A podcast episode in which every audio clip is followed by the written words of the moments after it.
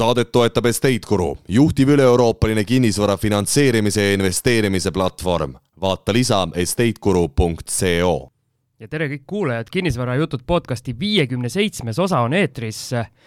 oleme vaikselt taas stuudiosse kogunenud, minu nimi Siim Semiskar, minu kõrval Algis Liblik, tere Algis! tšau, Siim! ma vaatan, sul on värske ja uus riietus, et kas käisid poes? kuule, ma vaatan, et sul on samasugune pusa seljas, et nagu lastekodulapsed istuvad seal laua taga, et samasuguste pusadega. No mis sa teed, rasked ajad aga jaa, ei, tegelikult on tore, et, et täitsa uhke tunne on kohe Siim sebis meile kinnisvarajuttude pusad, nii et nüüd on kohe tead niisugune nagu mingi kuuluvuse tunne on nagu. ühtsus, ühtsus ja, loeb. aga viiskümmend seitse osa läks aega, et. noh, eks sinu puhul lähebki, võtavadki asjad aega, aga, aga noh, parem hilja kui aga laud on siiamaani katmata, Algis. no kuuekümnes saade tuleb, et sa võiksid hakata valmistuma tegelikult, et et aga, aga noh, ütleme, et juubelisaateni on aega, aga, aga meil on sellest meil on ju igas saates ikkagi ka tähtsad külalised, et, et me ei pea juubelit ootama selleks. jah, ma nüüd viimast lauset ei kuulanud, vaatasin, et meil on juba minut läinud ja me ei ole mitte kuskile jõudnud, meil on tegelikult külaline külas, meil on suurepärane, suurepärane hea meel, öeldakse nii, ei öelda suurepärane hea meel, jah. ühesõnaga, meil on väga suur rõõm, et meil on stuudios taas üks naisterahvas, üks väga tegus hobiinvestor, nagu ta iseennast nimetab, Grete Pariis, tere Grete! tere, Siim! Aga hakkame siis äh, otsast minema, et äh, millega üks äh, hobiinvestor Grete üldse nii-öelda tegeleb tänasel päeval? see on võib-olla kõige raskem küsimus tegelikult, et äh, ma kipun olema seda tüüpi inimene, kes teeb kõike korraga ja siis, kui tekib vaba auk, siis kohe tekivad uued tegevused. aga põhiliselt siis äh, igapäevasteks tegevusteks on äh, noh, ühest küljest kinnisvara,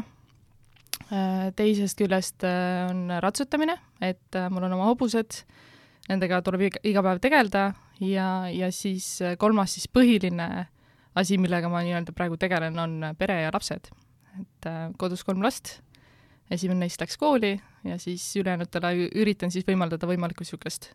mõnusat tasakaalu lasteaia ja koduse elu vahel ma juba seal hobuste juures mõtlesin, et kuidas äh, nüüd ajagraafiku see mahub, aga siis, kui need lapsed ka veel tulid, siis äh, siis ei mahu üldse. Siis pea plahvatas. no meil Siimuga ka, noh, meil siin jälle näed, näed jälle kolme lapsega siin, et meil kuidagi satuvad sellised head külalised, et on nagu noh. meile tundub, et kolme lapsega peab kinnisvarasse minema. Ja jah, kuigi äh, kinnisvara oli ikkagi enne kui kolm last, et okay et jah. aga see hobuste huvi, ma korra küsin selle kohta lihtsalt, et kust see on lapsepõlvest kuskilt juba või, või see on nüüd nii-öelda täiskasvanuna tekkinud?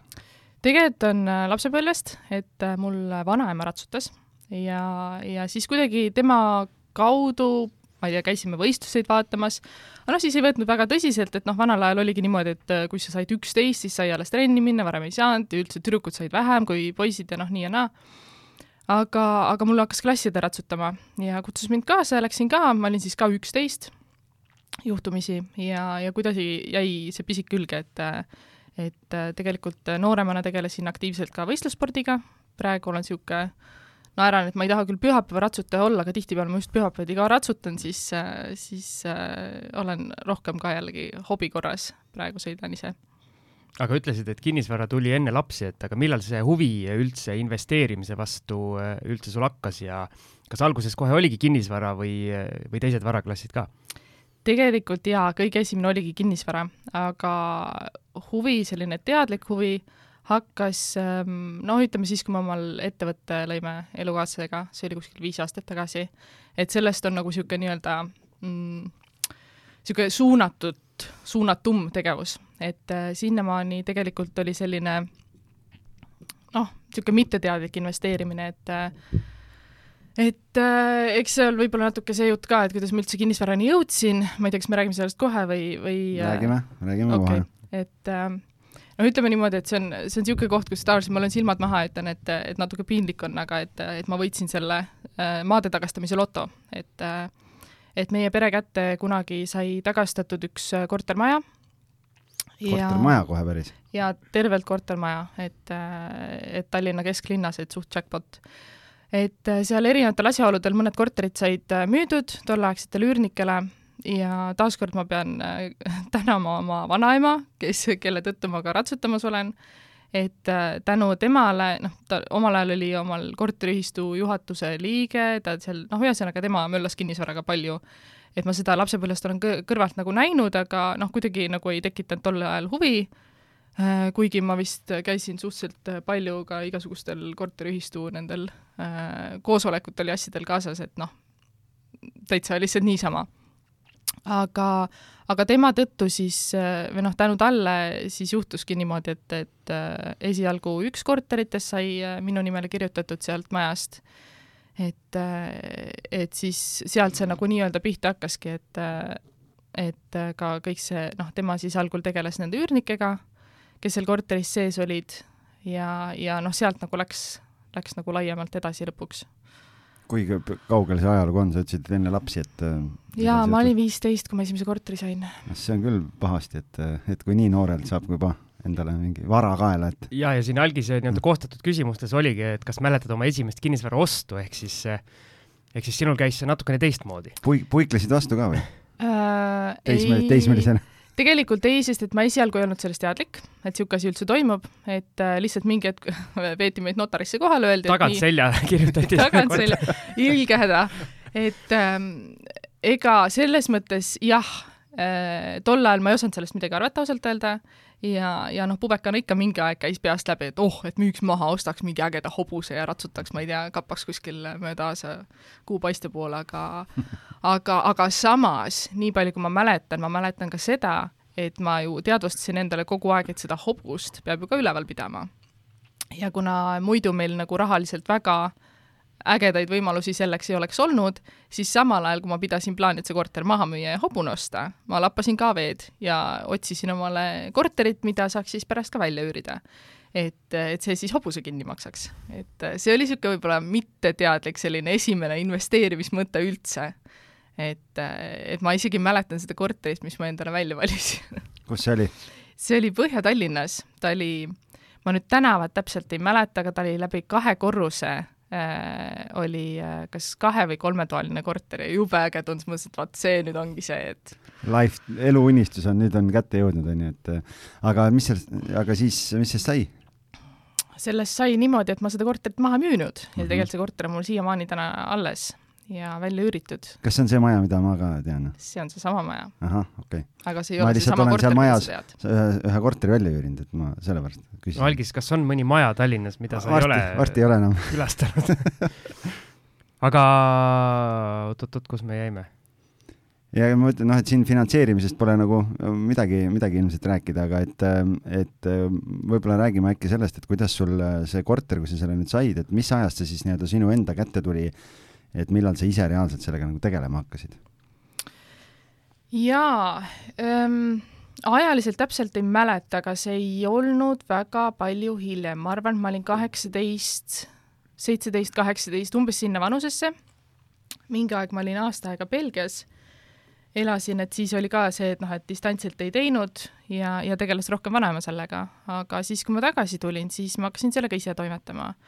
et esiteks muidugi ma seal hakkasin suure hurraaga üüri tõstma, sellepärast et tundus nii ebaõiglane, et noh, ka vanast ajast üürnik jäänud, et ja mõtlesin, et noh, et võiks ju veel saada. aga tegelikult eks seal oli noh, erinevaid asju ka, et, et tegelikult tahtsin ka noh, sisuliselt korterit nagu nii-öelda endale tagasi saada, kuna see üürnik, kes seal sees elas, oli natuke omandihimuline võib-olla. mille, milles see väljendus, sorry, et ma vahele segin? Jaa, ei ta kuidagi nagu ta hakkas mingisuguseid vanu asju, noh, kuna ne nemad olid üürinud seda korterit, noh, enne teda veel tema vist tädi üüris seal, et sellest ajast, kui see maja ehitati. et siis hakkas äh, mingisuguseid nõudmiseid seal esitama ja, ja kuidagi noh, selline endal tekkis niisugune nurka lasknud kassi tunne ausalt öelda selle korteri omanikuna, et mitte ma ei pakkunud talle võimalust, vaid et äh, et tema pidi nagu ära kannatama ah. kogu seda elu seal korteris. mul privileeg oli, et tema su korteris elab, jah? just nii, et ja siis mulle tundus natuke niisugune ebaõiglane see asi ja siis ma mõtlesin, et olgu, et, et tõstsin siis natuke üüri, siis noh, muidugi see nägu läks veel rohkem mossi ja aga et siis lõpuks äh, jõudis olukord vist sinnamaani, et ma siis noh, võib-olla natuke mõtlesin välja selle, et paneks siis selle korteri müüki ja pakkusin talle kui üürnikule eesostuõigust ja, ja ta pakkus mulle umbes pool sellest summast, mis mina mõtlesin, et võiks nagu noh, üldse kaaluda mingit müüki. ja, ja siis ma ütlesin, et ei, et niisuguse hinnaga ma ei müü ja et vot hind on niisugune, kui ei soovi, siis palun. ja siis tegelikult nad sealt läksidki välja. et äh, ühest küljest mul oli niisugune võidutunne, jess, aga teisest küljest, äh, kui ma korteri ikkagi kätte sain, siis enam nii jess ei olnud. et, äh, et korter ei olnud eriti heas seisus, küttesüsteem oli pekkis Äh, üürnik läks niimoodi, et ta oli ise paigaldanud sinna gaasikatla koos äh, radikatega ja ta võttis need kõik kaasa, nii et mul olid ka augud seintes igal pool. et, äh, et see oli niisugune, niisugune huvitav, huvitav kogemus, ütleme nii. ja siis tuli ette võtta esimene renoveerimine, ma saan aru? Siis tegelikult äh, ei tulnud, sellepärast et tol hetkel mul ei olnud raha ja see korter seisis mul paar aastat täitsa tühjana ja, ja siis ma mõtlesin küll, et nüüd läks küll halvasti et oleks ikka võinud edasi olla seal, jah? no nii ja naa, et noh, et sellises seisus ma teadsin, ma teda nagu uuesti välja üürida ei taha, samas ma teadsin, et ma ka päris sellise suhtumisega üürnikku ei taha. et ma mõtlesin, et pigem ta seisab siin natuke aega tühjana, kuni ma kogun raha ja saan hakata remonti tegema ja, ja siis vaatame edasi. Aga mis hetkel sul siis ikkagi see nii-öelda krõks ära käis, et see kinnisvara on just see õige asi, et eh, kas said oma selle raha kokku korteri renoveeritud ja siis nägid ära, et äh, ikkagi õige asi jaa, selles mõttes, et tegelikult sellest hetkest, et noh, kui mul see korter käes oli, ma pigem mõtlesin ka, et las ta seisab, las ta ootab, ma teen ta korda, saan ta välja üürida, mitte see, et, et noh, et nüüd äh, müün maha ja siis mõtlen, mis sellest rahast nüüd nagu saab. et, et võib-olla ongi, et kuna selle noh, see, see tundus nagu sedavõrd lihtne, et, et noh, et, et sul on korter, sul on üürnik ja sa saad iga kuu raha. Et see tundus nagu lihtne ja loogiline, sellega oli nagu lihtne arvestada. et, et aktsiatega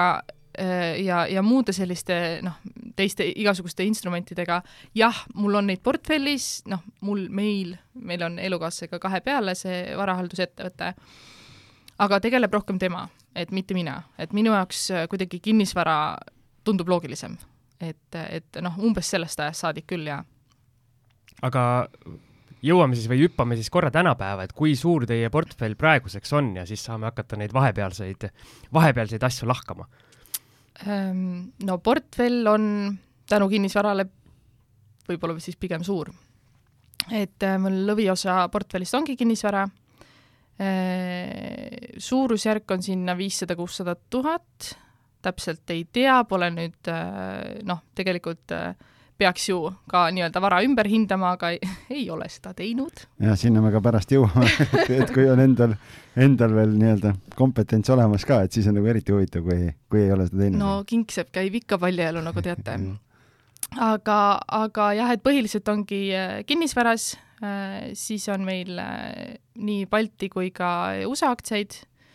mõned startup'i investeeringud, ausalt ma jään vastuse võlgu, kas meil ühisrahastust veel on või ei ole, sellega tegeles elukaaslane, aga, aga jaa, et selline ta meil on, natuke kõigest. mitu üürikorterit praegu portfellis? portfellis on praegu kolm korterit, mis on välja üüritud ja üks korter, mille remonti me just lõpetame ja siis vaatame edasi, kas see läheb üüri või, või müüme maha. aga see nii-öelda et see, et kas läheb üüri või müüte maha, et äh, Flipiga olete ka kätt proovinud või, või ei ole? ametlikult ja sihilikult mitte, et äh, mõnes mõttes äh, tagantjärgi mõtlesime, et seda eelmist äh, korterit, mis me müüsime maha just, et seda võib Flipiks põhimõtteliselt lugeda küll, et ta oli aasta aega meil välja üüritud ja siis noh, me ostsime ta nii-öelda niisuguses rahuldavas seisukorras, tegime korda ja, ja siis tegelikult oli meil aasta aega välja üüritud, me mõtlesime ka kohe müüa aga kuna ta üürile läks nagu kohe, et meil olid paralleelselt pandud üüri- ja müügikuulutused, aga läks üürile kohe, siis jäi müügiplaan katki, aga nüüd, kui tekkis nagu noh, see üürileping sai läbi, tekkis võimalus selle korteriga uuesti midagi teha, siis panime ta ainult äh, müüki. Ja, ja läks ka suht kiiresti, nii et sealt saime ka ikkagi nagu mingi normaalse kopika vahelt. sain ma õigesti aru, see esimene korter, millest me pikalt rääkisime, see on siiamaani alles? see on siiamaani alles. aga mis veel on, äh, milline see, või tähendab, mis korterid on, ühetoalised, kahetoalised, suuremad? mul on äh, kaks tükki on samas majas, need on kesklinnas kolmetoalised. üks nendest on siis see, mis mul kõige esimesena oli. ja, ja siis on kaks kahetoalist, et see, mida me remondime, on kahetoaline ja, ja see, mis on praegu nii-öelda välja üüritud, mis oli mu esimene ost, see on ka äh, kahetoaline. ja need on Tallinnas kõik? Äh, üks korter on Tabasalus, teised Tabasalus. on Tallinnas. millest Aga..., millest see Tabasalu valik? puhtalt elukoha pärast. et, et ma ise elan sealkandis ja, ja tundus tundus huvitav proovida vahepeal ka Tallinnast välja, et siis mõtlesime, et proovime seal kuidas numbrid on Tallinna korteritega võrreldes, et oled analüüsinud ka? Äh, vanema kinnisvara puhul, no tegelikult ei ole nii suurt erinevust, et, äh, et ta on sinna noh, võib-olla keegi võtab mul pea maha, aga, aga ta on sinna Mustamäe nagu nende paneelikate, kui võtta neid vanemaid maju, siis Mustamäe paneelikate kanti suts odavamad, nii üürid kui, kui ostuhinnad, aga, aga enam-vähem sinna kanti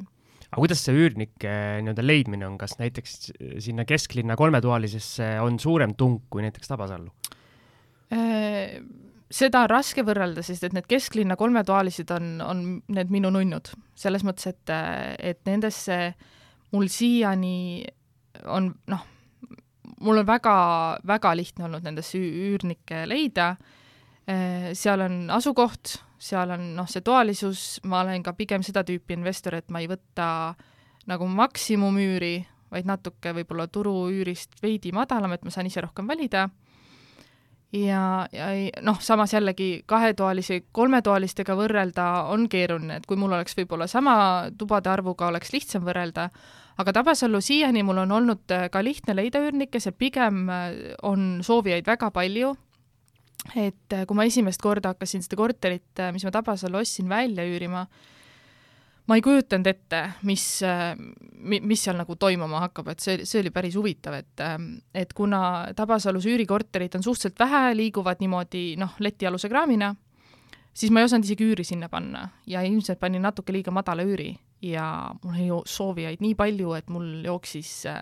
telefon umbe, kõik sõnumid, kõned, vastamata kõned ma sain kõik teada, missugused kaustad Facebookis, Messengeris on, ma ei teadnud neid enne, ma leidsin neid ka hiljem veel juurde. spämmid ja message request'id ja kõik jaa, kõik need others ja spämm ja, ja mis iganes see, no see, see oli väga huvitav kogemus. aga, aga jaa, et noh, pigem on nagu on, on olnud lihtne sinna ka leida üürnikke. aga räägi, kas see portfelli nii-öelda kujundamine või kasvatamine, kas see on olnud teadlik tegevus või sa need korterid oled kuidagi hankinud äh, ükshaaval selliselt vastavalt, milline diil sulle ette on sattunud või ikkagi teadlikult just sinna ja need korterid? Äh, jaa, küsimus, et ähm, natuke on võib-olla mingid asjadega olnud nii, et olen teadlikumalt valinud, noh, Tabasalu saigi sellepärast valitud, kuna me just ise kolisime kesklinnast välja, et siis oli noh, tundus nagu lihtsam manageerida korterit, mis on sulle lähemal, et mitte nii, et sul on kõik nagu hullult laiali. et äh, sealt edasi järgmisi me tegelikult ostsime ka Tabasallu sellesama nagu teesiga, et, et lihtne, hea lähedal teha, aga see ongi see, mille me nüüd viimati maha müüsime aga miks te müüsite? Äh, no ma, nagu ma ütlesin, siis me plaanisime teda kohe müüa ka siis, kui me olime ta ära renoveerinud. aga kuna ta tol hetkel läks üürile, siis noh, tead, sellega ongi niimoodi, et, et äh, nagu öeldakse, et tuleb emotsioonid välja jätta, aga noh, kõik juba teavad nagunii, et, et äh, kinnisvara on, on väga emotsionaalne. ja Siim eriti teab seda. no just, ja, ja eks ta niimoodi on, et mulle lihtsalt midagi seal korteri juures ei meeldinud. no ei, ei olnud nagu see ja, ja siis oligi see otsus oli suhteliselt lihtne, et nüüd müüme maha. et ma arvan, et näiteks äh, kui ma peaks ähm, kesklinna kortereid müüma, neid, mis mul praegu alles on, siis ma, ma väga pikalt mõtleks enne. aga sa enne rääkisid, noh, et siin ratsutamine ja pere ja kõik asjad ja üritad tasakaalu leida ja nii edasi, et äh, remonti teete ise või, või äh, kasutate mõnda ehitusettevõtet? teeme ise see mahub ju väga hästi sinna mudelisse, kui tahad nagu tasakaalu leida, onju, et siis, siis kuidas, kuidas see match ib sinna? vot see match ibki täpselt niimoodi, et, et ma natuke mõtlesin ka siia tulles selle peale, et, et tegelikult jah, et kui arvestada nüüd seda, et, et ma olen kinnisvaras olnud ikkagi noh, nii-öelda ametlikult siis sellest esimesest korterist saadik ikka no üle, üle kümne-viieteist aasta, eks, et et ma võiksin olla tunduvalt kaugemal aga, aga meil käibki see niimoodi nii-öelda elukaaslasega paaris rakendina. ehk et kui üks teeb rohkem, siis teine annab rohkem järgi, et meil käibki niimoodi hooti, et äh, sel hetkel, kui, äh, kui meil on mõni korter renoveerimises, siis tõmbab teine natuke oma tegemistega tagasi, et et proovime niimoodi võimaldada, et, et mul elukaaslane näiteks samal hetkel ei käi aktiivselt päevatööl, kui ta remonti teeb, et ta saaks nagu sellele pühenduda ja siis pärast vaatame jälle edasi, et kes mida rohkem teeb ja vähem teeb. mul on kaks küsimust kohe, siit tuleb järjest. esimene, esimene küsimus on see, et, et ma tahtsin tegelikult teise küsimuse, aga ma küsin selle nüüd enne siis ära, et, et kuidas see nüüd välja näeb siis, et ostame korteri, ütleme nii, Siim rohkem tööle ei lähe. tööle ei lähe, et teeme remondi ära ja siis hakkad vaatama, kus sa tööle saad uuesti, et või kuidas, kuidas see nüüd käib siis? Tead, esimesed korrad äh, tegelikult oligi niimoodi, et äh, noh, need kesklinna korterid, eks, et äh, noh, seal ka taustaks, et kunagi mul oli need kolm, ühe ma müüsin maha vahetult enne koroonat väga, väga hea hinnaga. ja, ja see oli, need kolm korterit on mul elukaaslane kõik ise ära remontinud, et natuke sai seotud nii-öelda sellega, kui, kui meil sündisid lapsed et siis äh, mina olin äh, nii-öelda vanema palgaga kodus ja, ja siis tema vahetas töökohti lihtsalt natuke pikema pausiga. et vahepeal tegi remondi ära ja siis läks uude kohta tööle. võttis väikse sabbatical'i või mis see, sabbatical või mis asi see on, et väike paus vahepeal? no just, et natuke see, noh, me lihtsalt kasutasime võib-olla ära siis seda seda võimalust, et meil mingid üürikorterid olid, mingi üürivoog oli, et me saime natuke rahulikumalt äh, sättida, et et ähm, me jah, paaris rakend ja hobused ja kõik jutud, et me oleme küll tööhobused, ütleme mõlemad, aga ja veame seda vankrit nagu koos, aga, aga jällegi, et me noh, mingitel hetkedel oleme natuke nagu rahulikumalt võtnud ja just nagu nii-öelda ka protsessi käigus siis nii-öelda nautinud seda, et meil on see võimalus võib-olla niimoodi keskmisest rahulikumalt neid asju võtta, et ei pea nagu noh, täitsa lolliks nagu rabelema, et äh, täiskohaga tööl ja siis õhtul kuni ööseni veel remont ja siis on veel lapsed ja siis mina tahan veel ratsutada, et, et me oleme kuidagi proovinudki natukene nagu laveerida, et võib-olla sealt ka see nii-öelda hobiinvestor, et et nii tõsiselt võib-olla ei võta. okei okay,, kuidas see tööde jaotus teil on, kui see remondi tegemiseks läheb, siis äh, kes mida teeb?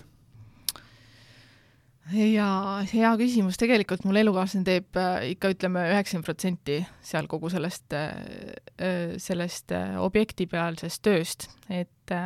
tema ehitab, tema organiseerib seal, kui on vaja mingeid, mingeid spetsialiste veel juurde kutsuda, aga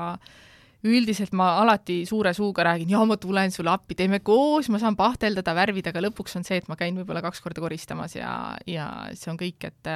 et minu produktiivsus tuleb natuke mujalt kui tema oma, et, et pigem tegelikult ma oma asjadega segan seal vahel ja, ja siis kuidagi niimoodi on sattunud, aga samas pärast nagu nii-öelda see kas müügitöö või siis üürniku leidmise töö ja kõik need üürnikega suhtlemised on siis pärast minu rida. noh, see on, ongi hea tööjaotus ju siis aga olete mõelnud ka, et äh, võiks äh, selle sammu edasi teha, et mitte enam ise remontida, vaid äh, keegi palgata võib-olla, no sa rääkisid ka, et miks ja mis põhjusel te ei ole nagu kiirendanud seda, seda protsessi, aga kas vähemalt olete omavahel arutanud sellest? oleme arutanud, aga ei ole sinnamaani jõudnud aga, mis see põhjus on, kas äkki, äkki mehele siis meeldib seal nii-öelda pahtli sees olla? ma natuke arvan küll, et äh, ta on seda tüüpi inimene, kellele meeldib oma kätega asju teha. et, äh, et selles suhtes ta küll alati pärast, kui see korter on tehtud, siis ta on, aa, appi, mitte kunagi enam, mitte kunagi enam. aga samas järgmine kord, kui me alati arutame seda, et noh, et kas äh, nüüd seekord võiks siis ise teha või mitte, et siis ta, ah no ma hakkan kuskilt otsast ise tegema, et eks teine asi on muidugi see, et seda inimest leida, niisugust head inimest, kes tuleb ja ehitab ja teeb, et ei ole ka väga lihtne ja et noh, kui meil endal on see nii-öelda kompetents olemas, siis me oleme seda praegusel hetkel kasutanud. aga kuidas see objektide otsimine, et see on ka siis sinu peal? valdavalt küll, aga, aga nüüd viimase objekti puhul no öeldakse, et magavale kassile hiir suhu ei jookse. tegelikult jookseb küll, et, et viimase objektiga, no vahepeal peab silmi lihtsalt korra lahti tegema, et et viimane objekt sattus hästi juhuslikult,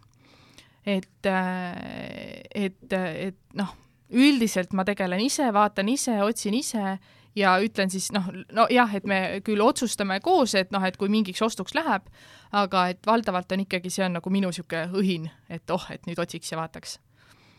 kui see viimane objekt nii-öelda tuli juhuslikult, aga kui sa eelnevalt äh, oled nii-öelda turu pealt otsinud, eks, et äh, milline su see protsess on, et äh,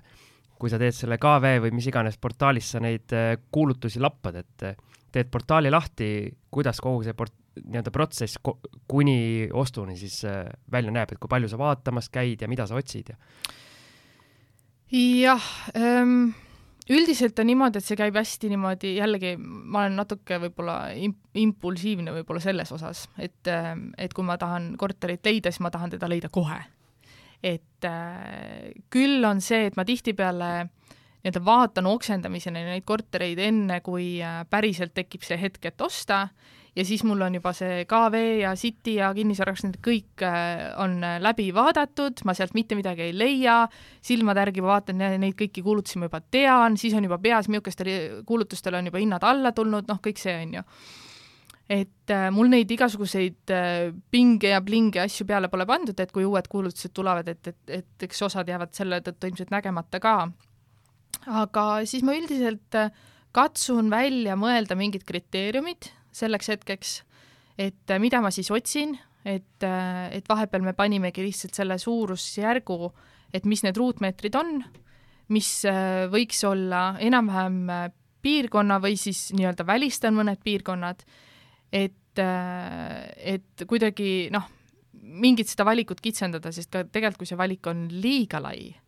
siis on ka see, et oh,, no ma ei suuda, et, et valikut on liiga palju ja, ja siis tundub, et nagu seda kõige paremat valikut seal sees on nagu võimatu teha. et siis me oleme niimoodi vaadanud äh, kõigepealt neid KV-s, siis saadame kogu aeg linke üksteisele ja lõpuks siis valime midagi välja, mida vaatamas käime.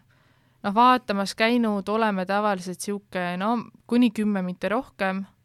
ja pigem vähem ja viimas, viimase korteriga oligi vist, et, et tegelikult otsesest, otsest ostuplaani ei olnud, aga käisime, vaatasime ja mõtlesime, et tore küll ja davai, teeme ära nagu.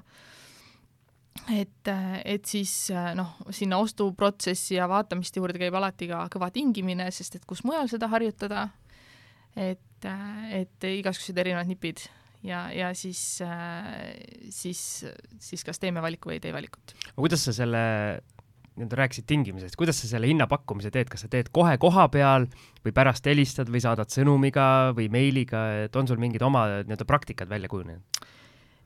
koha peal ma kohe alati pakkumist teinud ei ole, sellepärast et minu meelest see inimestele eriti ei meeldi, eriti kui näitamas on sul omanik, mitte maakler. et äh, maakleril on kuidagi lihtsam seda nii-öelda ka absurdset hinnapakkumist vastu võtta, sest et see nagu ühest küljest ei ole nagu noh, tema nagu, tema suunas. ei solva niimoodi jah, jah, et tema ei solvu selle eest, ta võib-olla pärast räägib kolleegidele, et oh, tead, see tegi siukse hinnapakkumise, täitsa napakas. aga noh, tegelikult tal on, no ongi, aga, aga täpselt ongi. ja, ja no ma saan sellest ka väga hästi aru, et noh, samamoodi ise olnud ka seal nii-öelda müüja poolel ja, ja noh, samas need, kes tulevad kohe sulle äh, näiteks äh, korterit, äh, noh, üürikorterit vaatame, tuleb, astub sisse, ütleb, tead, ma noh, pakun sulle kohe sott madalamalt, võtan kohe ära. ei et... no kui ta vähemalt kohale tuleb, siis on isegi hea, kui Facebookis tuleb ainult üks number, mis on poole väiksem. kuulge, ei, see, see pole midagi, sorry, ma vahele segan, aga mul on, just eile andsin ühe üürikorteri üle, onju, ja kakskümmend euri ruut Kalamajas, üks kolmetoaline korter ja ja siis mul vi-, viimase nädala jooksul, kui meil oli üürnik oli leitud, mul oli juba, oli noh, ma ei olnud veel kuulutust maha võtnud, et kui lepingu ära teeme ja üle annan, siis võtan maha ja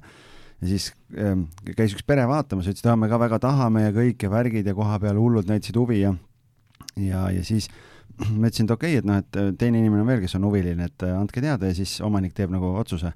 siis kirjutasid mulle pika kirja, kuidas nad on ikka nii head üürnikud, on ju, nad suhtuvad korterisse nagu, nagu enda omasse umbes ja siis, et noh, et nad tulid kaks korda madalama üüriga korterist, kui see oli, mida meie tahtsime, tonn viiesajane, on ju. ja ütlesid, noh, et me pakuks nagu tuhat, et noh, see on viiskümmend protsenti kallim üür, kui meil praegu on, on ju,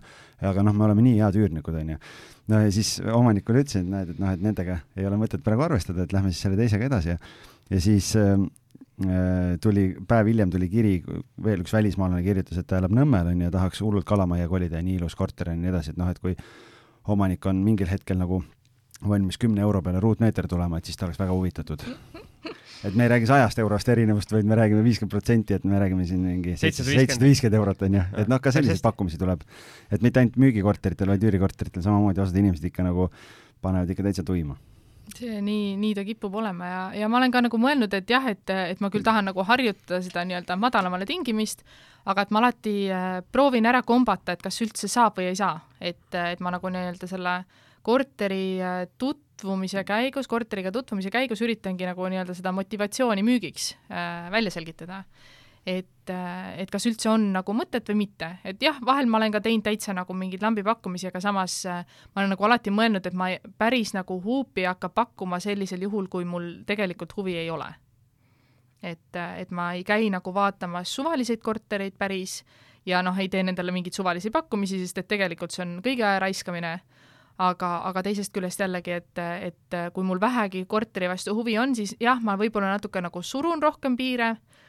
äh, nagu hinnapakkumisega ja tavaliselt ma olen teinud need tagantjärgi.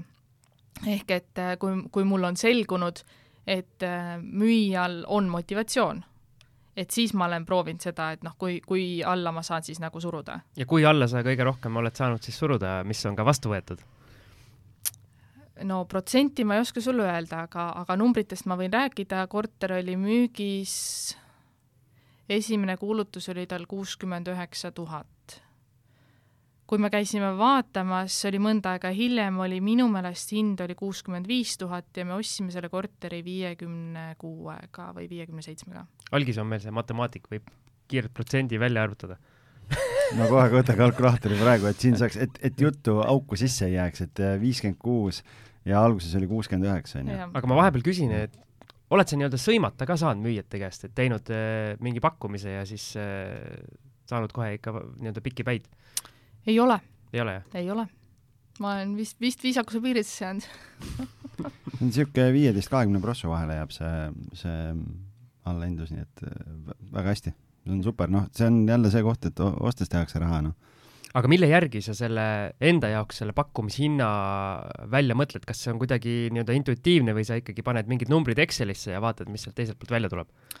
Äh, selline nii-öelda koolipoisi vastus oleks, et, et panen Excelisse, aga, aga kuna ma koolipoiss ei ole, siis tegelikult jah, kõhutunne. niimoodi tehakse algis? kinnisvara normaalne, vaata, selles mõttes. vaatan nagu... ise ka no. täpselt samamoodi. aga me oleme juba üle poole tunni rääkinud, me teeme väikese pausi ja siis läheme kohe järgmiste teemadega edasi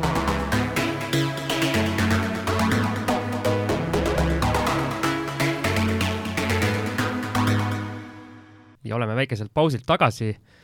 Algis, sinu kord aga räägime äkki mingitest huvitavatest lugudest. me rääkisime siin hinnakauplemistest ja, ja kogu sellest poolest, aga, aga on sul mingeid huvitavaid ähm, lugusid äkki, ma ei tea, üürnike leidmisest rääkida või, või mingeid kogemusi, mis sul on juhtunud, et esimest kogemust selle korteriga, mis sulle nii-öelda poolsunniviisiliselt nagu kaasa tuli, on ju, äh, sellest sa rääkisid, aga on sul midagi, midagi veel äh, sellist juhtunud, mida võib-olla jagada teistega?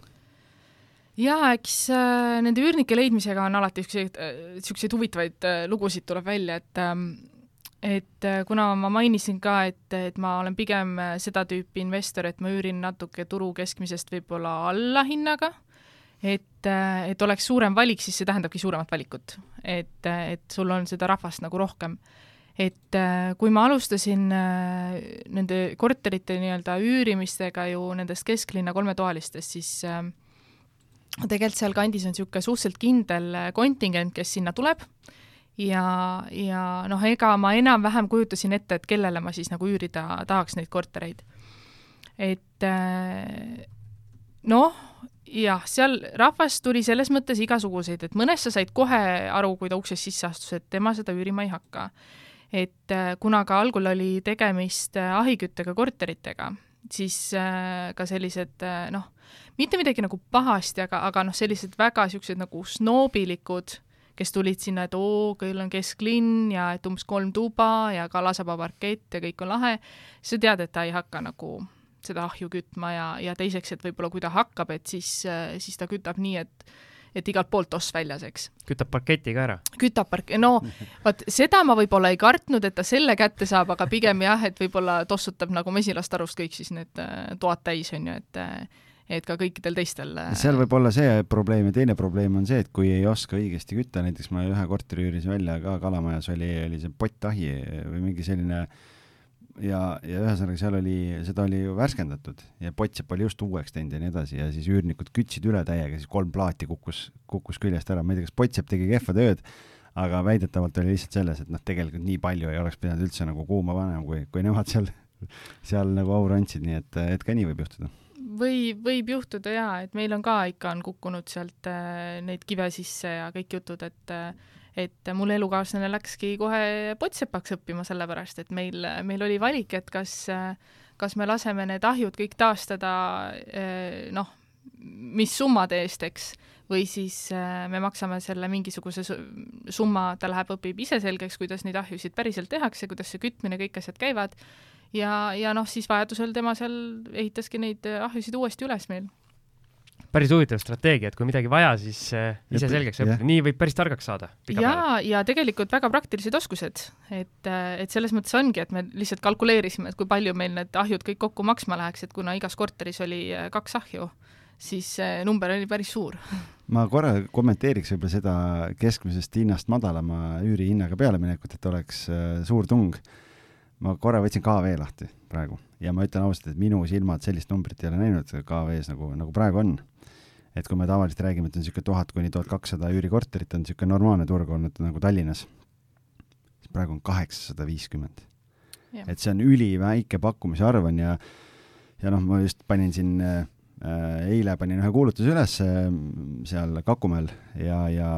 panin kuuskümmend eurot isegi kõrgema hinnaga kahetoalise üles, sihuke noh, ei ole uus korter onju. ja lihtsalt noh, ma ütlesin omanikule, et arutasime, et tõstame hinda onju, et eelmine läks neljasaja üheksakümnega, paneme nüüd viiesaja viiekümnega ja ja samamoodi mul uputab noh, et tegelikult oleks võinud isegi veel, veel rohkem panna, et praegu tegelikult see pakkumist on nii vähe lihtsalt, et et Grete võib küsida küll, ei ole hullu. jaa, no eks ta tõsi on, et noh, et pigem mul noh, kipub olema nagu see häda nende üürilepingutega, et, et mul on nad väga pikad et äh, häda, eks, et ühest küljest on hästi tore, et, et ma olen see laisk investor, kes ei viitsi väga palju tegeleda, aga teisest küljest jällegi, et ongi, et ma pigem nagu siis oma üürnikele ei ole tõstnud üüre, et äh, noh, nii-öelda siis preemiaks selle eest, et nad mul nii pikalt olemas on. ja, ja, ja noh, et siis on alati, on see väljaüürimine selles mõttes nagu kõik hakkab otsast pihta, et siis hakkad vaatama jälle, et mis hinnaga turul on ja kõik jutud, on ju et äh, aga noh, siis, siis juhtubki tihtipeale see, et see, see hind saabki natuke liiga madal ja siis äh, tulevadki igasugused vahvad, äh, vahvad tegelased sinna ah, kohale. jõuame nüüd sinna tagasi. just, et, et, et ringiga tagasi sinna mm. juurde, et et mul on olnud näiteks kuna ma ka lisaks enda korteritele haldan ka noh, vastavalt ajale üks, ühte kuni kolme pereliikme korterit, et praegu mul on üks korter lisaks et siis, äh, siis mul on ka natuke sealt nagu neid lugusid jagada, et äh, et, äh, et on olnud inimesi, kes tulevad mul, väga huvitavad kunstitudengid olid. Ja, ja tulevad, vaatavad seda korterit, ütlevad, et ilgelt kihvt korter, no täiega meeldib korter. et äh, aga et äh, me nagu mõtlesime, et kas võiks natuke nagu muudatusi teha siin siin mõtlesin, et noh, et me siin just lõpetasime nagu remondi, et noh, ma ei tea, mis muudatused, võib-olla tahad diivani ümber tõsta. ei, et äh, teil on küll väga kihvt riidekapp, noh, täispuidust korralik riidekapp, suur riidekapp, aga mulle meeldiks stange rohkem, et kas selle riidekapi saaksite nagu ära viia mm,? ei, ei saa ah.. aga mulle see riidekapp üldse ei meeldi, ma muidu üüriks küll, aga see riidekapp mulle ei meeldi, et et ja noh, need seinad, et no ma ei tea, et ma nagu äh, tahaks nagu üle värvida, et mingi musta tooni või kuidagi, mõtlesime, et issand, et pärast, et üürime neile välja ja siis äh, saame tagasi mustade lagedega korteri või midagi, et et äh, tol hetkel oli küll niimoodi, et nad küll olid väga vaimustuses kõigest ja mitte millestki, eks nagu selgus siis lõpuks, aga aga ei, seda korterit me neile ei üürinud ja noh, samamoodi, et, et lihtsalt, et et tegelikult sa näed ära äh, välja üürides selle või nagu noh, nii-öelda tutvudes selle inimese suhtumise, et ilmselt ei oleks ka see mustad seinad nagu viimane piir olnud nende jaoks. siinkohal, äh, kes ei ole kuulanud, siis saade viiskümmend kuus meil käis äh, külas äh, kinnisvarajurist Eevi Hindpere ja seal me rääkisime ka nendest muudatustest korterites, et kui üürnik soovib midagi teha, et siis, siis väga täpselt nii-öelda kooskõlastada, mida keegi teha soovib, nii et kellel kuulamata, siis kindlasti kuulake ja et seal oligi konkreetne lugu, kus täpselt nii läkski, et mustad seinad ja laed ja kõik, must lagi ja, ja must, must lilleline tapeet, nii et omanik arvas, et noh, üürik tahab lihtsalt värskendada, aga, aga jäi kooskõlastamata, et mida ta täpselt teha tahab. et juhtub ka nii. aga kas ei oleks lihtsam ikkagi, ma natukene nii-öelda oponeerin, kas ei oleks lihtsam ikkagi panna natuke kõrgem hind, nagu algis kogu aeg õpetab kõiki, eks, ja siis eh, võib-olla nii-öelda valida, ma ei tea, kolme kuni viie inimese vahel, mitte siis panna nagu turuhinnast madalam ja siis eh, teha endale tööd juurde? Äh, jaa, olen ka seda katsetanud. Äh, olen ka küsinud nii julgelt, kui saab ja, ja aga ma, ma ei tea, kas see on nüüd äh, olnud võib-olla mingisugune tolle hetke mingi teema, et ma olen ikkagi soovinud korteri välja üürida ja need kolm kuni viis, kes on tulnud, on siis ka tulnud sellised nii-öelda keskmisest nõudlikumad võib-olla kliendid. et äh, et on olnud selliseid kliente, kes noh, sa kohe algusest peale näed ära, et nendega hakkab mingit jama toimuma et, äh, et küll neile noh, ma ütlen, ma naeran siiamaani seda, kuidas, kui me käisime äh, rääkimas äh, seal äh, Rikas naine, tark naine kinnisvaraeril, siis äh, Kadri Mäsak, kes ka teil vist on käinud, eks -hmm. tema rääkis, kuidas tal oli ühel üürnikul oli veesurvega probleeme, et see veesurve rikub äh, üürniku juukseid et siis päriselt tekivadki sellised probleemid inimestel, kel, kes maksavad rohkem üüri. et äh, küll on see, et, et noh, vanad ägedad tammeparketid, eks, kala, kalasaba nagu äh, selle mustriga. Ja neil on probleem, et see äh, akna alt kolmas näiteks kriuksub. ja no sa ei saa sinna mitte midagi teha.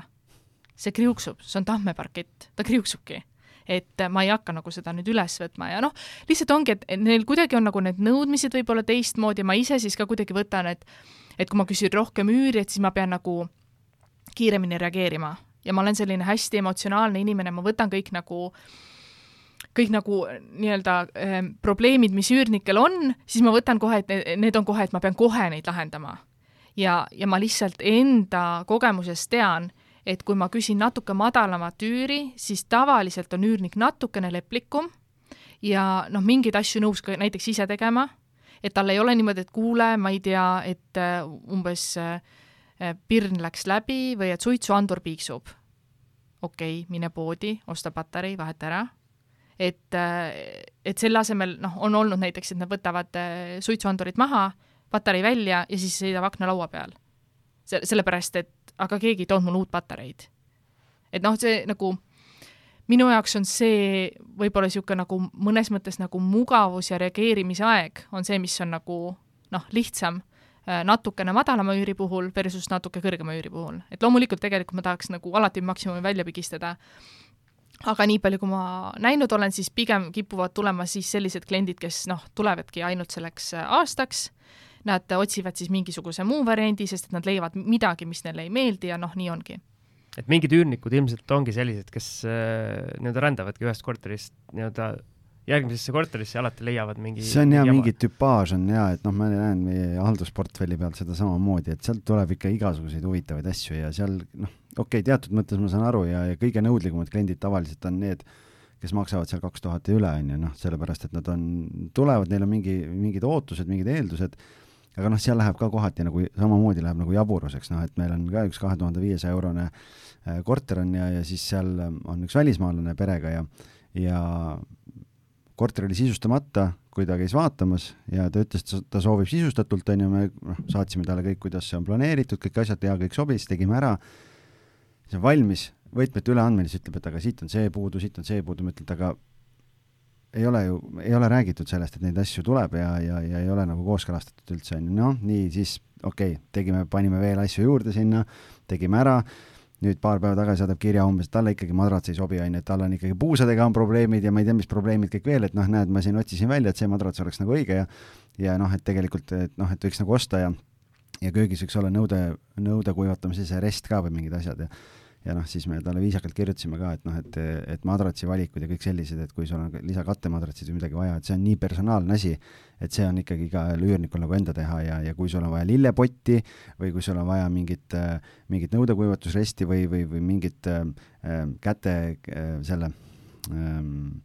nõudluse vahendi jaoks mingit potsikut eraldi, et pudel ei sobi sinna kapi peale, noh siis need on kõik sellised disainielemendid, millega sina kujundad ise selle kodu endale selliseks, nagu sa soovid, et noh, need ei ole nagu üürileandja äh, sellised asjad, et, äh, et üürileandja on andnud selle korteri sulle üle selliselt, me oleme niimoodi kokku leppinud, et, äh, et aga noh, teatud mõttes me üritame alati ka vastu tulla, sellepärast et me saame aru, et see klient ongi võib-olla ta nii-öelda ta arvab, et ta on natuke tähtsam ja sissetulek on, positsioon, kõik on nagu kõrgemad, et aga, aga kui me räägime jah, võib-olla sellisest seitsesada, kaheksasada eurot mingi korter, siis äh, jah, ega see, milline see inimene, kui frukt või nõudlik ta on, ega seda tegelikult korterit üle andes tihtipeale ju ei näe, et algis, mul on tunne, et äh, sa varsti hakkad oma nii-öelda turuosa kaotama, tuleb mõni haldur, kes ostab äh, sokid ja trussikud ka üürnikule kappi ära, et äh, või viib enda omad kodust et äh, ma arvan, et kui sa niisuguseid asju siin välja räägid, siis pikka pidu pole. ei, vaata, selles mõttes, et ega, ega meie esindame üürileandjat ja me ju, kui, kui meil on haldusleping, siis me sisuliselt oleme ikkagi nagu omaniku tooli peal ja me peame ikkagi vaatama seda ka, et noh, et kuskilt läheb see mõistlikkuse piir, et me ei saa ei saa iga kuu omanikule kirjutada, et kuule, üürnikul oli nüüd seda vaja, seda vaja, seda vaja, et kui, kui on ikkagi nagu korter, mis on ostetud, sisustatud asjad, seal on eelarved, asjad, kõik on kokku lepitud, mida me teeme, mis raha eest ja millisel levelil. ja, ja okei okay,, kui on mingid sellised, sellised sisustuselemendid oligi noh, täpselt need asjad, seal oli mingeid riiuleid oli vaja vannituppa juurde ja, ja mingit, mingit ühe töötasapinna tegime juurde, mida, mida oli vaja. kõiki selliseid asju, see on nagu okei okay,, see tõstab võib-olla korteri enda väärtust ka aga see, et hakata sulle sinna roosa lillepoti asemel ostma pruuni või, või mingit teist asja, noh, sorry, aga see nagu ei, ei ole omaniku kohustus, et, et see on nagu üürniku enda asi, kuidas ta oma kodu sisustab, et aga Grete, tuleme tagasi sinu juurde, kas äh, üürile andes või isegi korterit ostes juba on sul mingi tootlusootus ka mõttes või hakkasid naerma praegu? hakkasin naerma, sest me just eile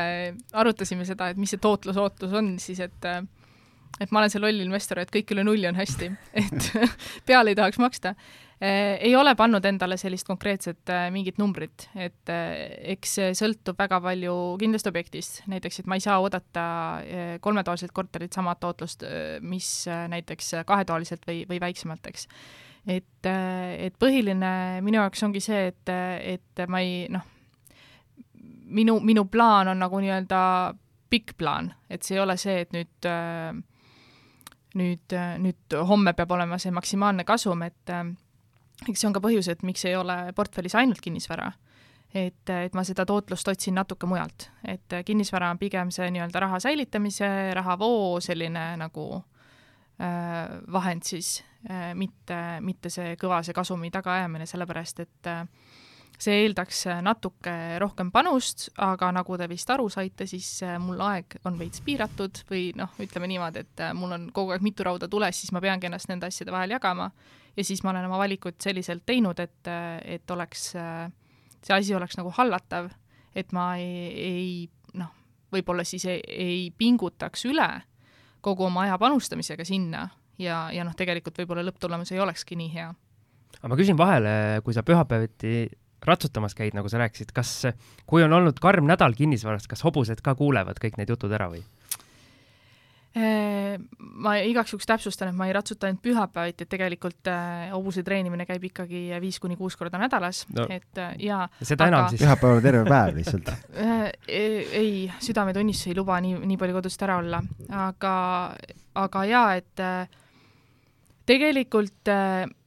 ma olen äh, korduvalt mõelnud, et äh, kui ma ei ratsutaks, siis meil oleks nii palju rohkem raha, et äh, hobused paraku on kohutavalt kulukad ja ilmselt on ka hobused üks juurpõhjus, miks ma üldse investeerimise juurde olen jäänud. et ikkagi see mingisugune visioon sellest, et ma ei taha terve elu teha mingeid nõmedaid valikuid,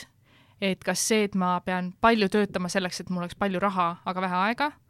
või siis see, et ma ei tööta ja mul ei ole raha, aga väga palju aega. et kuna hobused on selles suhtes nõudlikud nii aja kui ka kapitali suhtes, siis äh, ma noh, olen alati arvanud, et seal peab olema mingi alternatiiv. et, äh, et oleks mingisugune passiivsem, noh, päris passiivne ju see kinnisvara ei, ometigi ei ole, et kui sa algisele kirjutad, siis võib-olla et, et noh, nii passiivne ta ei, ei ole, et ikkagi seal toimetamist on, siis, siis noh, lihtsalt see nagu noh, sa pead mingeid valikuid tegema ja, ja minu jaoks nagu see ratsutamine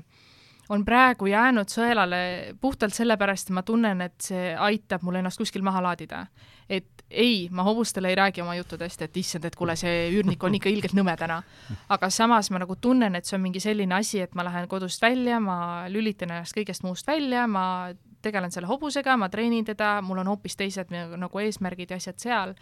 et äh, isegi kui äh, ma lähen talli ja ma tunnen, et issand, ma olen täna nii väsinud, ma üldse ei viitsi ratsutada, siis ikkagi võtan ennast kokku, ronin selga, mõtlen, et noh, ma teen siis kas või ainult sammu, no natuke teen traaviga, okei okay,, no mõned galopitõsted ja, ja tegelikult see trenni lõpus sa tunned, et oh, ilgelt hea trenn oli nagu, et hobune oli nii tubli ja kõik oli nii tore ja tuled koju, koju ja noh, on niisugune nagu teine energia, et see nagu annab nii palju juurde et ma ei ole praegu raatsinud nagu sellest nii-öelda loobuda selle nimel, et, et võib-olla portfell natuke kiiremini kasvaks aga oletame, et sa homme võidad äh, ühe korraliku loterii ja sul on äh, piiramatu kapital valida endale järgmine üürikorter. milline su ideaalne üürikorter oleks, et kus see piirkond, äh, milline korter ja nii edasi? ma olen selle vist kuskil välja ka öelnud, et, et see ei ole üldse ratsionaalne mõte, mis mul on aga, aga minu enda mingisugune ülim unistus siis, kui mul on piiramatult kapitali selleks, et investeerida kinnisvarasse oh,, jah, see on üks äh, ilus kena puumaja äh, Tallinna kesklinnas, Kassisaba asumis, et äh, kuna mul endal korterid seal on, et siis äh, ja noh, mul, ma, minu lapsepõlv möödus ka suhteliselt sealsamas kandis, siis äh, see on mingi selline asi, mis ma olen mõelnud, et kui, äh, kui mul need miljonid on, et siis ma tahaks lihtsalt nagu mitte selleks, et nüüd äh, sealt jällegi mingit kõva tootlust või mingit asja taga ajada, vaid ma lihtsalt tahaks äh, mingisuguse vana räämas puitmaja hästi ilusti korda teha. et seda on seal kassisabas tehtud ja ma tahaks olla ka nagu üks nendest, kes sellega nagu hakkama saab, aga ma kardan, et ma jään sellega hiljaks ja kõik majad tehakse enne korda. et ikkagi üürimaja, mitte siis? ikkagi üürimaja, üürimaja ja, ja pigem, et siis, kui noh, ongi nagu võimalus valida, et siis see võiks olla, et see maja on hästi kihvtilt korda tehtud ja seal sees on nagu niisugused nii-öelda lukskorterid nagu, et et selline kombineeritud nagu siis nii-öelda kaasaegsed igasugused tehnovõimalused ja, ja, ja jällegi see nii-öelda klassikalisem stiil võib-olla, et mitte nii-öelda see Skandinaavia ja valge ja hall ainult, et, et väga modernne, et pigem niisugune, et noh, ikkagi see tammeparkett ja selline puitmööbel ja selline, aga aga noh, võib-olla kunagi. mulle see mõte ka meeldib, et ma just tegelikult tahtsin enne küsida, et sa räägid hobustest ja kõike, et noh, et te elate linnast väljas ja nii edasi, et kas, kas on mingi mingi oma rancho või, või, või mingi, mingi mõte ka, noh, et, et ma ei tea, kus, kus sa täna neid hobuseid hoiad, et äh, seal Väänajõesuu poole sõites on mingi, mingi suur tall, kus on hobused, et äh, see on sinu oma või, või hoiad kellegi teise juures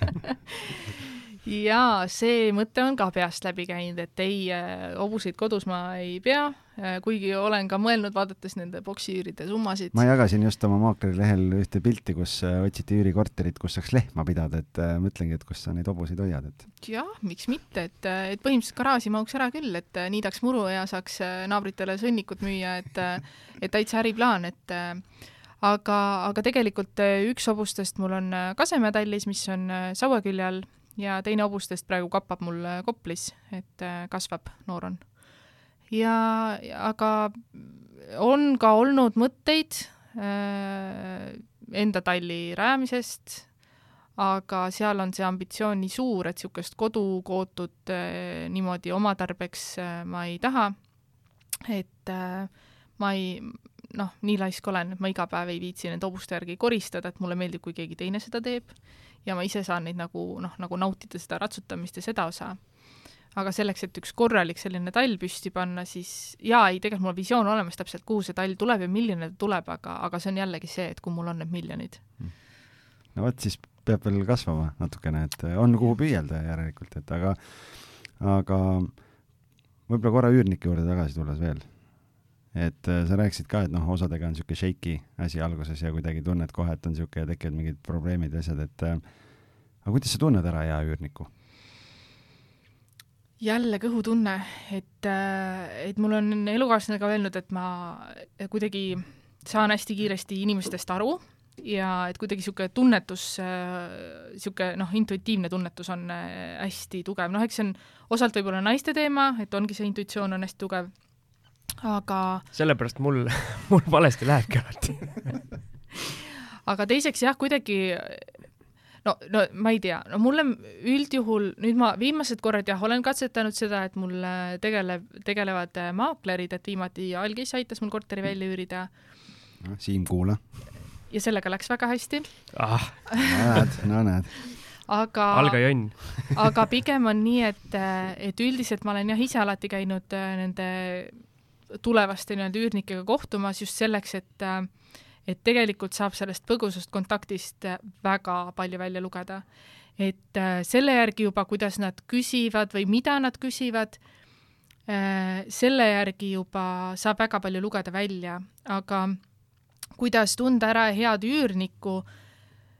no üldiselt ma eelistan selliseid, et kui mul on mingisugune tutvus nendega eelnevalt olemas et äh, mul on vedanud mõne üürikorteriga niimoodi, et nende kuulutused ei ole mitte kunagi jõudnud kuskile avalikult äh, ülesse,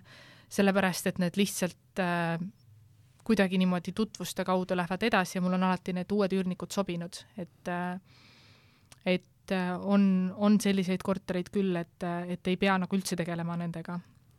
aga mul on üks küsimus nii-öelda isikliku, isiklikust kogemusest, sa ütlesid, et sa pigem tahad seda suurt valikut, aga kui sul nüüd on selline korralik lahtiste uste päev, kus äh, voorib kümneid inimesi, võib-olla mitme päeva jooksul kümneid inimesi ja äh, üürile soovijaid läbi, et kuidas sa pärast kõike seda kokku võttes nagu meenutad, et kes, kes oli, mis nii-öelda vaibi ta sulle nii-öelda jättis ja mul iseendal, kui ma siin suvel ühte korterit välja andsin, oli ka niimoodi, et pakkisin kõik kolme päeva peale, kõik need vaatamised, ja lõpuks ma ei mäletanud mitte midagi sealt esimesest päevast, kes need olid või mis, mis tunde nad minusse jätsid ja, ja siis ma nagu mõtlesin, et mille jaoks see kõik nagu hea oli see oli kogemuse mõttes väga hea, et äh, sa võib-olla said teada, mil-, milles sa väga tugev ei ole. jah, vot, mitte milleski ei noh, et võib-olla see just ei sobigi sulle, et äkki, äkki peaksid proovima kas kellegagi mingit vahetust teha, et sa ise võib-olla lood oma väärtust kuskil mujal. aga mul on väga hea mälu, esiteks, ja teiseks mul on alati kaasas märkmik, kus ma panen kirja mingisugused põhinäitajad näiteks, et äh, tema küsis selle asja kohta, et või et äh, temal oli näiteks kaks autot, aga mul on üks parkimiskoht. tuli kahe autoga korraga. mul olid ühed jah, et mingid noormehed olid, kes tahtsid äh, kolme peale üürida korterit. Ja nemad tulid, aga nad, see tuli jutu käigus jällegi. Okay.. ja, ja järgmine kord, noh, see oli nii-öelda memo enesele, järgmine kord ütlesin, et ongi ainult üks parkimiskoht ja noh, nii ja naa, ja ma mõtlesingi, et et, et ma panen mingid sellised tähtsamad punktid kirja, sellepärast et, et kui pärast mul ongi, et oo, mingid toredad kutid ja siis mingisugused äh, nõmedad vanamutid näiteks, et kes on nagu võrdsed kandidaadid, on ju, et, et siis ma ilmselt oleks eelistanud neid nõmedaid vanamutte, kellel ei ole autosid, äh, nendele, noh, toredatele kuttidele, kellel on kolm autot, sellepärast et suure tõenäosusega nad siiski ei osta omale seda linna parkimiskaarti, meil on kesklinna tsoon, ja nad ikkagi ilmselt hakkavad parkima vabadele kohtadele, mis tegelikult ei ole nagu nii-öelda ametlikult ju noh, nii-öelda lubatud, et, et noh, kuna piiratud parkimiskohtade arv on, siis noh, lihtsalt nagu tekkiski nagu endal juba eos mõte, et, et see on see olukord, mida ma tahaks välistada, et ma pean kogu aeg neile helistama, kuule jälle sinu auto või. Et, et siis ma paningi endale mingisugused need põhiasjad kirja ja sealt on väga lihtne meenutada hiljem. Mul äh, endal on väga halb mälu ja ma proovisin seda märkmiku varianti ka, aga mul oli isegi nii halb mälu, et ma kui üks ei leidnud märkmikku üles? ei, ei, kui üks kandidaat ära käis, ma unustasin märkmikusse kirjutada tema kohta need märksõnad üles ja pärast mul oli tühi märkmik, ainult need kellaajad, kes millal, millal keegi tuli. selle jaoks on ka hea lahendus, mida ma vahepeal proovisin, aga mul ei olnud seda vaja, on see, et on põhiküsimused ja mul on leht äh, selle üürniku kandidaadi kohta ja ma ütlengi, et ma kirjutan üles sellepärast, et mul on lihtsam, noh et mul on lihtsam. või siis teine variant on, et saata noh, mingisugused küsimused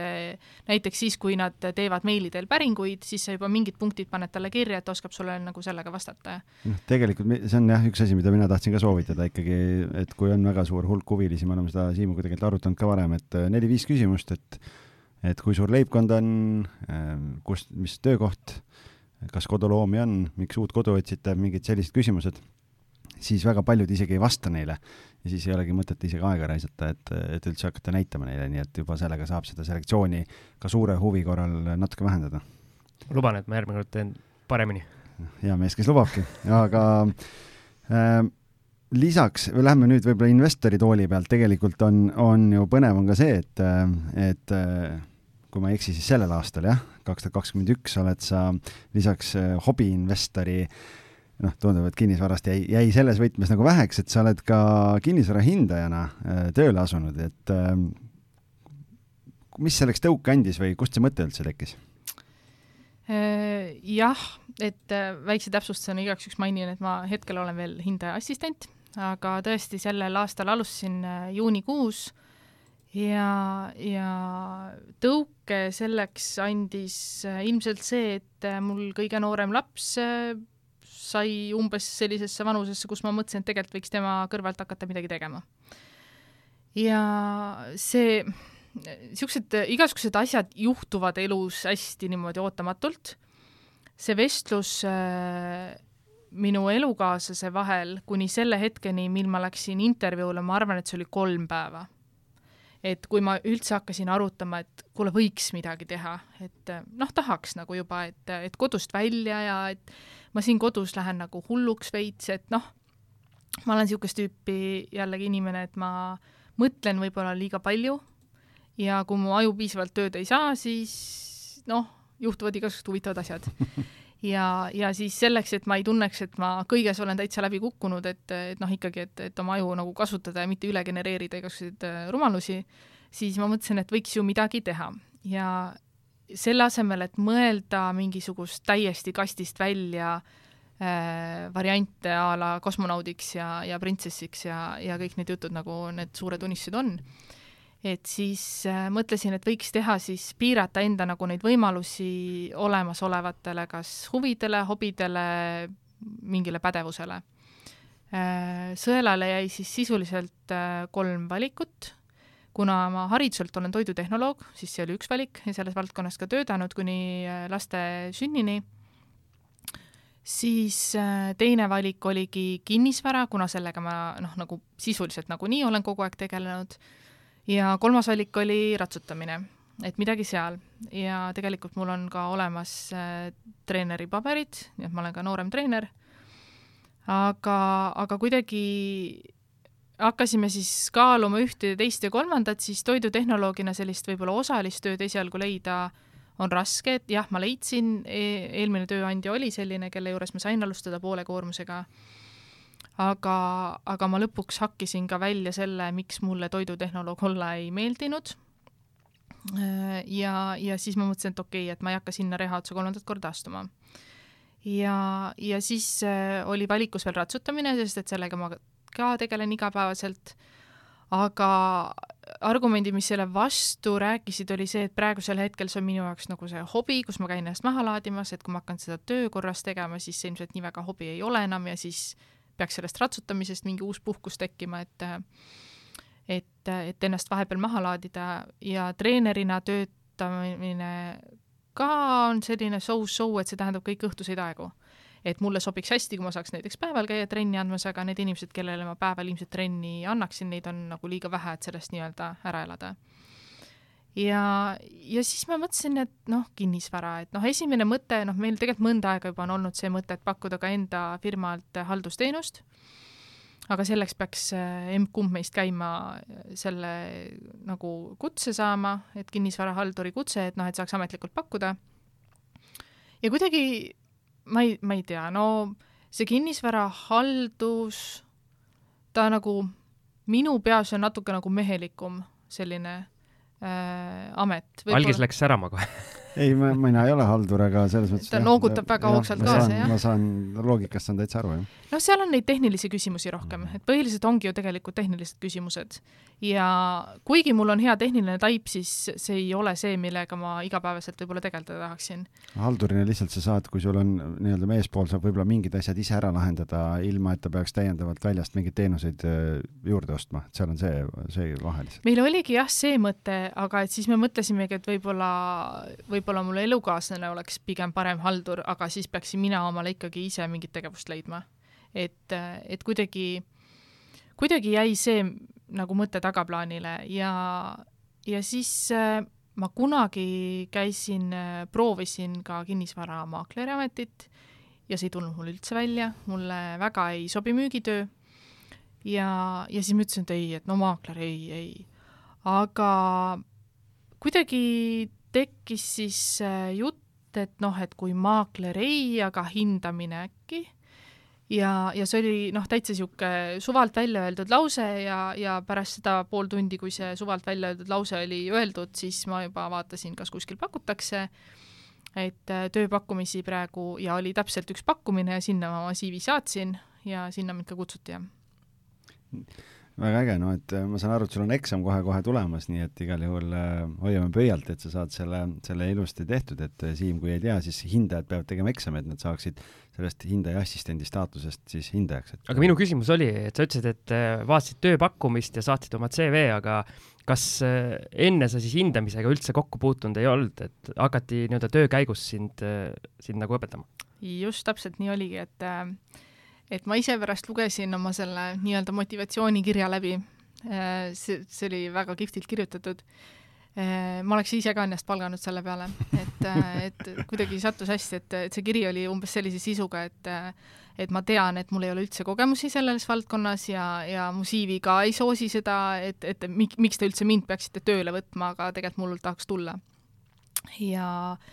ja ilmselt ma siis äh, avaldasin piisavalt muljet, et mind jah, kohale kutsuti ja tegelikult äh, ega see äh, hindaja eksam ka tegelikult nõuab vähemalt kahekuulist töötamist kellegi juhendaja all, selleks et sa üldse saaksid nagu eksamile minna. aga oled sa siis oma nii-öelda senise valikuga rahul? jaa, olen küll, et ma küll aeg-ajalt kirun siin, et oh, pean ma nii palju tööd vastu võtma aga, aga teisest küljest ma olen rahul, sest mulle tundub, et mulle sobib see hästi. et äh, see on niisugune asi, mis äh, hoiab mu ajud piisavalt töös, samas ta ei ole liiga ainult selle põhjal, et ma istun ainult arvuti taga, sest ainult arvuti taga töö mulle ka ei sobi. et see on piisavalt ringi liikumist, inimestega suhtlemist, äh, samas on see, et ma ei pea ennast nii väga müüma, sellepärast et tegelikult hindamist on nagunii vaja, et see ei ole ju ainult ostud-müügid, et see on ka igasugused muud erinevad kas mingid varade jaotamised, mis iganes, et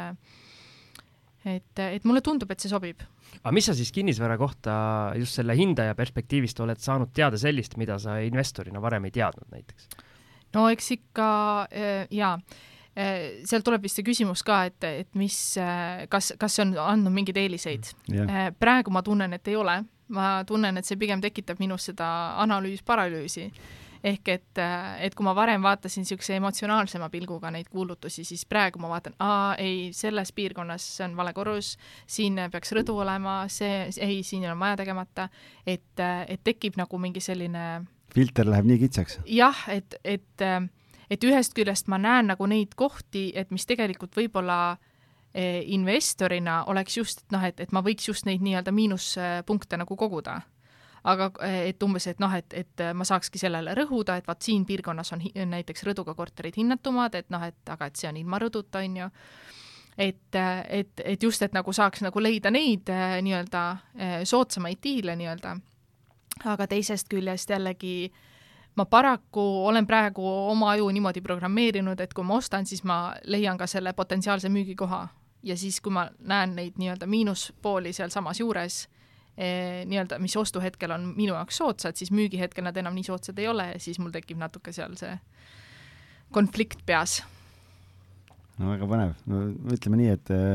et see, see jah, liigne see filter või, või see mõtlemine või analüüs või kõik asjad on äh, on äh, selles plaanis nii-öelda ise ka kogu aeg investoritele korterid otsides, siis lihtsalt äh, muutud aina valivamaks kogu aeg. Ja, ja muudan enda elu nii raskeks ja noh, jube, jube raske on leida nagu häid objekte, sellepärast et nii, nii suured äh, nõudmised on enda, enda ootused on nii suured, et ei taha investoritele mingeid suvalisi asju nagu pakkuda, et ma natuke saan aru, mis sa mõtled, et aga hakkame võib-olla otsi kokku tõmbama, et mis on võib-olla sellised suuremad õppetunnid veel, mis, millest me võib-olla täna rääkinud ei ole, mida sa tahaks teistega jagada, et mida võib-olla sellistele inimestele, kellel, kes võtavad hoogu, et alustada või on alustanud, et, et on sul mingid mõned kuldsed tarkuseterad veel siia lõppu jagada? üks asi, mis ma mõtlesin küll, mis võib-olla alustajale või kes nagu alles hoogu võtab, Äh, tagantjärgi saab öelda, et alati äh, praegu, täna tundub hind kallis, aga tegelikult äh, homme vaatad, et eile oli nii palju odavam. et paljuski, kui sa tahad alustada, siis võta kätte ja alusta, et ükskõik kust, et ka halb kogemus on kogemus ja, ja halb on ta ainult sellisel juhul, kui sa otsustad sellest mitte õppida. et väga paljud asjad tulebki enda nahal läbi proovida, läbi kogeda, et et ainult jääda ootama, et sa nüüd teed selle maailma parima valiku, noh, põhimõtteliselt võib õnnestuda, aga ilmselt ei õnnestu. et, äh, et ega seal tegelikult ei olegi midagi sellist noh, natuke ikka on hirmus, sellepärast et, et kui sa saad näiteks ühisrahastuses või aktsiatega seda alustada, ma ei tea, sada eurot, noh, võib-olla kümme eurot, on ju, et noh, et need summad on nagu väiksed, sul on nagu suva, aga et noh, kinnisvara puhul sa suure tõenäosusega võtad ju laenu. et, et see on rahaline kohustus, sa pead mõtlema, kus kohas sa nagu selle katad siis, kui näiteks üürnik äh, otsustab välja kolida või, või jätab sulle maksmata et jah, seal natuke võib-olla on neid küsimuse kohti rohkem, et päris nagu noh, niisama suvalt, et ah, ma nüüd kohe ostan, e, ei maksa, aga samas ei maksa ka liiga nagu venitada sellega, et kui sul on nagu mõte, et võiks osta, siis tegelikult igas turuolukorras olgu ta tõusev või langev turg, on võimalik väga häid äh, ostukohti leida ja neid väga häid oste teha. et, äh, et minu meelest on väga hästi öeldud selle kohta nii, et äh, et ongi, et need nii-öelda, noh, see oli küll börside kohta rohkem, et, et need kaotused on kaotused sellisel juhul, kui sa oled sunnitud need positsioonid realiseerima kehvas olukorras, eks. et kui sa mängid, noh, kinnisvaraga pigem ongi, et kui sa mängid pikka mängu, siis noh, pikas plaanis tõusevad hinnad nagunii. et sellest äh, eelmise krahhi eelsetest hindadest me oleme kamaluga üle. et, äh, et noh, ega tol hetkel ka ilmselt, kes nagu siis müüsid kahjumiga, siis said valusa õppetunni, aga noh, suure tõenäosusega nad täna ei osta, aga, aga see jällegi, kelle, kellel on sellest hetkest nagu kinnisvara käes, siis nad on täna nagunii plussis omadega. väga hea. super, ma ei tahagi siia rohkem midagi juurde lisada, et jätame selle mõtte kõlama, et, et ma arvan, see on lõpetuseks, lõpetuseks väga hea, et ähm, Siim, kuidas sul? sa jäid väga, jäid väga mõtlikuks. ma jäin väga rahule.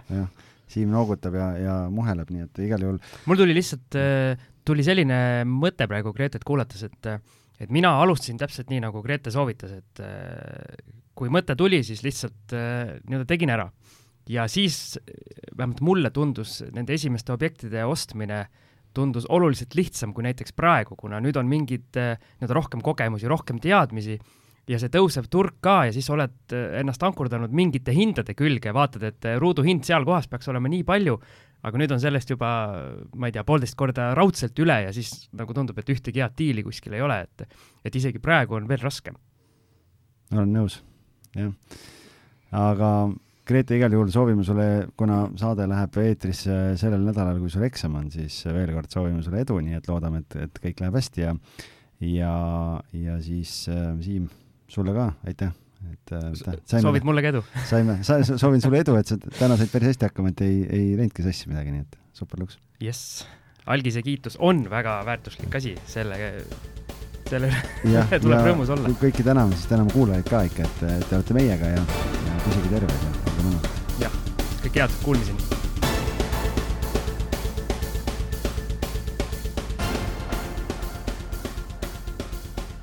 saadet toetab Estate Guru, juhtiv üle-euroopaline kinnisvara finantseerimise ja investeerimise platvorm. vaata lisa estateguru.co